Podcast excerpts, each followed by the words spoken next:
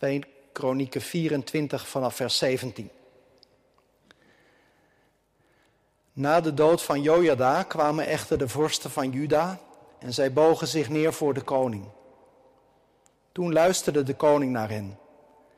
Ze verlieten het huis van de Heere, de God van hun vaderen, en dienden de gewijde palen en de afgoden. Vanwege deze schuld van hen rustte er grote toren op Juda in Jeruzalem. Hij zond onder hen profeten om hen tot de Heere te doen terugkeren. Zij waarschuwden hen, maar zij gehoorzaamden hun niet. Toen bekleedde de geest van God Zacharia, de zoon van Jojada, de priester, die hoger dan het volk ging staan en hij zei tegen hen, zo zegt God, waarom overtreedt u de geboden van de Heere? Daarom zult u niet voorspoedig zijn, omdat u de Heere verlaten hebt, zal hij u verlaten.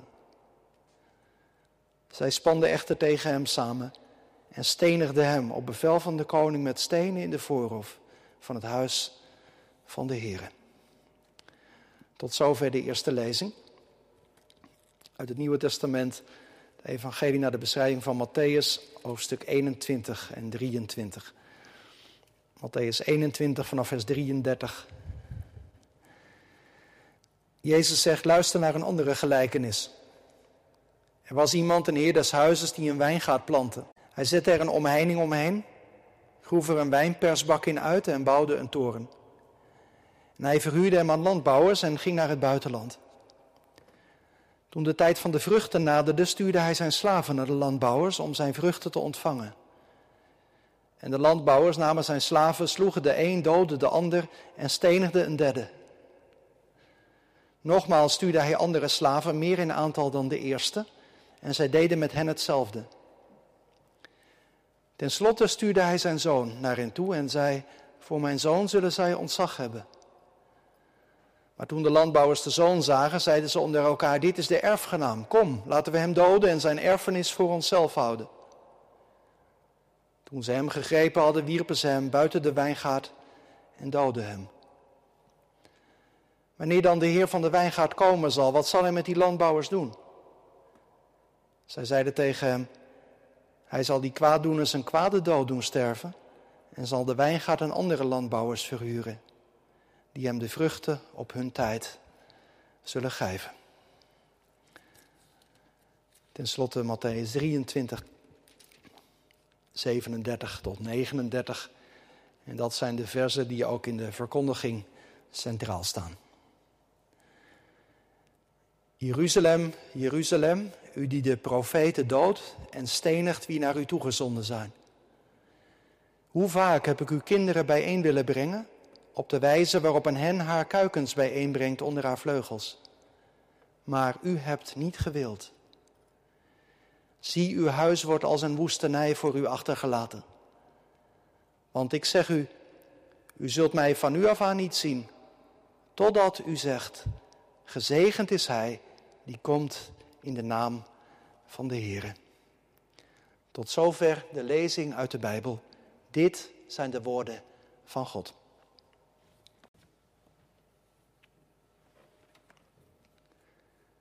Gemeente van Christus. De tekst van vanmorgen is er een vol passie. Jezus, hij roept hier, om zo te zeggen, de hele geschiedenis van God met zijn volk Israël in herinnering. En die geschiedenis die raakt hem diep, diep in zijn hart. De aanhef in vers 37 van Matthäus 23, die heeft iets van een zucht, een snik. Jeruzalem, Jeruzalem.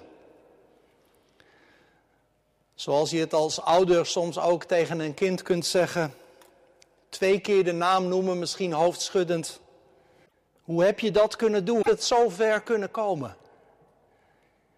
Jeruzalem, Jeruzalem. Jeruzalem is de stad die een bijzondere plaats inneemt in het plan van God. Wij begonnen de dienst van morgen met Psalm 122. Over Jeruzalem dat ik bemin, wij treden uw poorten in. Jeruzalem, dat was niet alleen de hoofdstad, dat was de plek waar vooral de tempel gebouwd werd. De plaats waar God zijn naam had laten wonen. De plaats waar de offers gebracht werden. Jeruzalem was als het ware het centrum van het godsdienstige leven. Maar als ik het goed zie, dan doelt Jezus hier in Matthäus 23 met die naam Jeruzalem eigenlijk op het geheel van Israël. Het hele volk waarmee God een bijzondere weg gegaan is in de geschiedenis. Zichtbaar gemaakt door dat beeld van een vogel die haar jongen onder haar vleugels verbergt. Psalm 61, we zongen erover. Andere psalm, psalm 36. Mensen nemen de toevlucht onder de schaduw van uw vleugels. Schuilen bij God. Daarom was God een verbond aangegaan met zijn volk, zodat de mensen altijd een veilige plek zouden hebben. Een mooi beeld is dat, dat je altijd kunt schuilen bij God. En wie, wie zou dat niet willen? Welke reden zou je kunnen hebben om daar nee tegen te zeggen? Velen van ons beseffen deze dagen weer heel sterk hoe, hoe kostbaar dat is. Dat er een God is bij wie je altijd terecht kunt. Een God bij wie je kunt schuilen. Met je vragen en je angst, je eenzaamheid. Wie zou dat niet willen? En nu is het natuurlijk niet zo dat Jezus hier wil zeggen dat dat in Jeruzalem, dat dat in Israël nooit gebeurde. Ook toen waren er mensen die de toevlucht zochten bij God. Maar als je het Oude Testament leest, dan valt bij de profeten toch vooral de kritiek op. Kritiek op ongeloof, op de uitbuiting van armen, de veroordeling van een leven waarin God er wel mag zijn, maar wat aan de rand van het leven.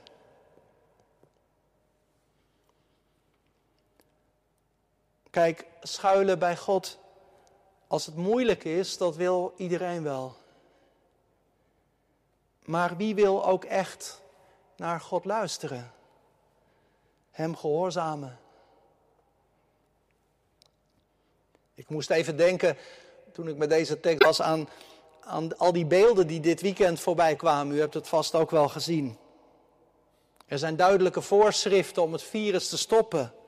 Houd afstand. Zoek geen contact met anderen. Maar op foto's en tv-beelden zag je soms drommen mensen in een bos of in een bouwmarkt. De boodschap aan de bevolking was helder, maar een deel van de mensen had zijn schouders erover op. Het zal zo'n vaart niet lopen, het zal wel voorbij gaan. Veel mensen in Israël wilden wel schuilen bij God, maar hem ook gehoorzamen. Luisteren naar zijn goede woorden. Nee.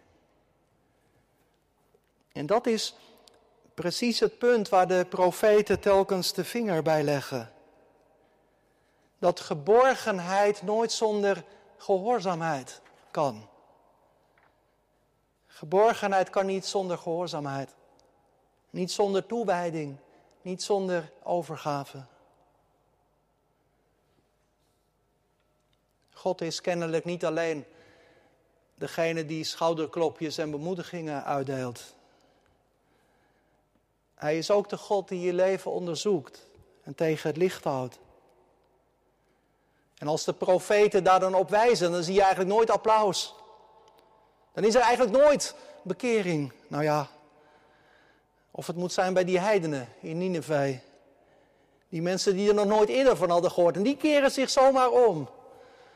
Op de oordeelsprediking van Jona. Het volk van God, Israël, luistert bijna nooit.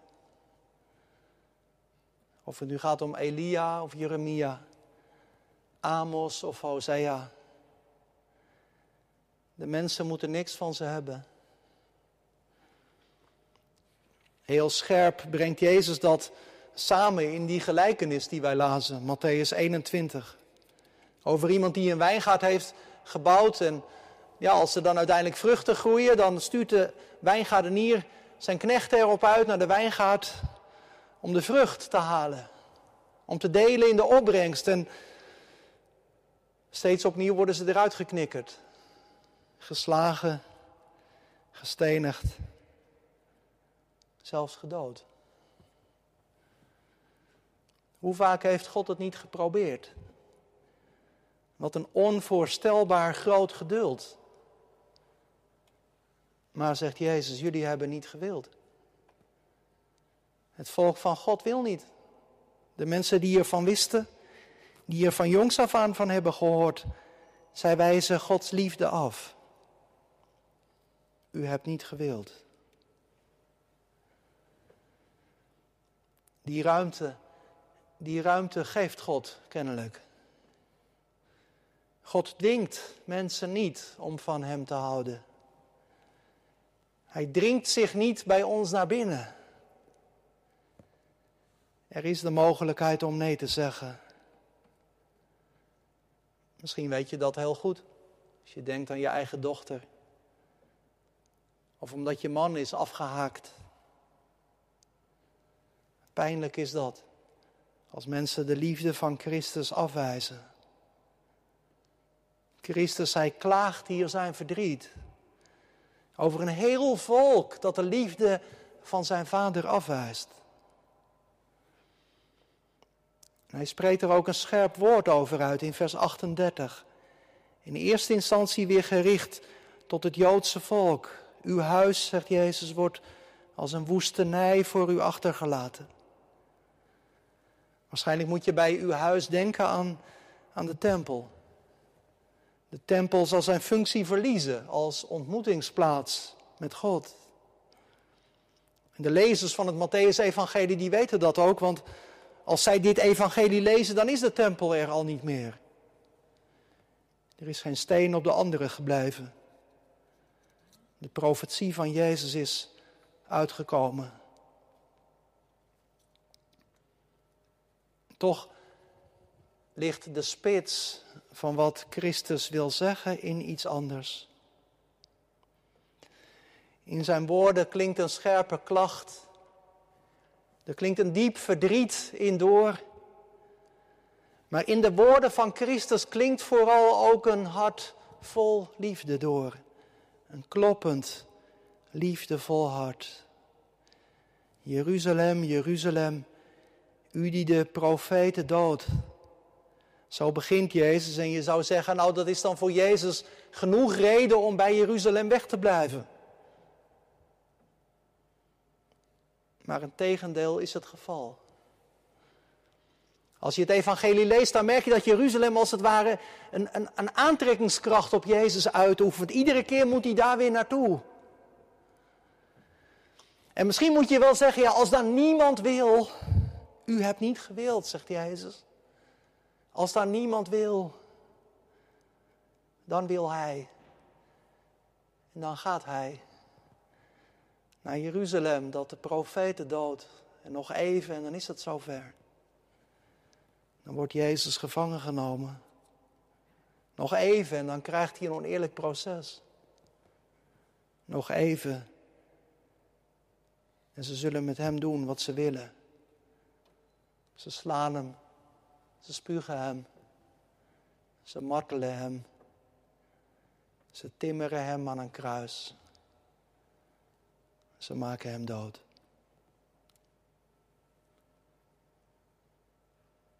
Maar God lof, dat is het evangelie.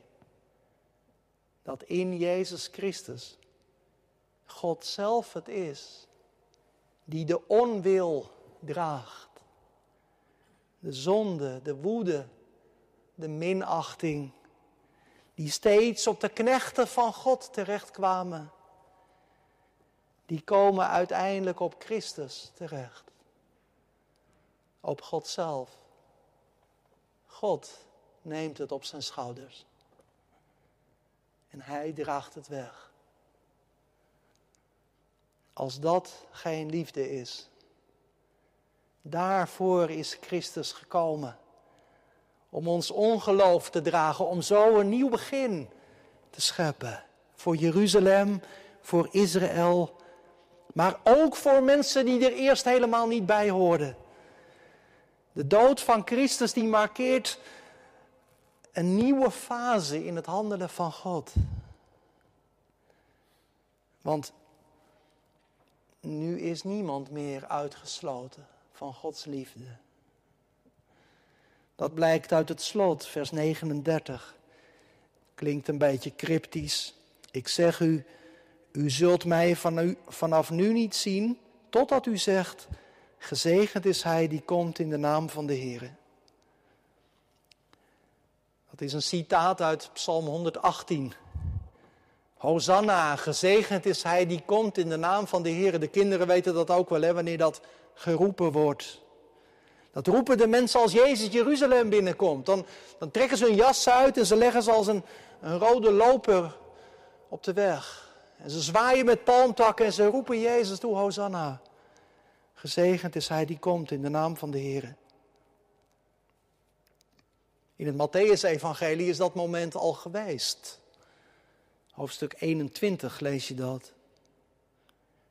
Kennelijk gaat het hier in onze tekst, vers 39, over een moment dat nog komen moet. Sommigen denken aan het moment dat Jezus zal terugkomen naar deze wereld. Als hij terugkomt, zal iedereen hem begroeten. Iedereen zal voor hem knielen en hem hulde bewijzen. Je kunt de tekst dan ook zo lezen dat, dat Christus wacht totdat de mensen in Jeruzalem en Israël klaar zijn om hem te ontvangen. Dat Jezus wacht tot zijn volk zich naar hem heeft omgekeerd. Maar het meest waarschijnlijke lijkt me toch dat Christus hier doelt op het tijdperk van de zending. na de uitstorting van de geest, dan trekken de leerlingen van Jezus de wereld in. Overal vertellen ze het evangelie. Zo eindigt ook het evangelie van Matthäus. De laatste woorden van Jezus. Ga dan heen. Maak alle volken tot mijn leerlingen. En dat gebeurt. Trouwens, allereerst in Jeruzalem. Bijzonder is dat. In Jeruzalem begint het, Handelingen 2. Petrus, hij staat op en hij verkondigt de naam van Jezus Christus. En dan, dan zijn er duizenden mensen die zich omkeren en die op één dag worden gedoopt. En vergeving ontvangen. Ze zeggen het als het ware mee met Psalm 118. Gezegend is hij die komt in de naam van de Heer. Gezegend, geprezen zij de naam van Christus. Alle lof, alle eer, aanbidding komen hem toe. Het begint bij het Joodse volk. Maar het gaat ook verder. Het gaat ook de wereld in. Zo kwam het evangelie ook in ons land, in ons leven. Tot op vandaag zijn er mensen die Christus begroeten. Die hem toeroepen met Psalm 118 gezegend. Gezegend is Hij.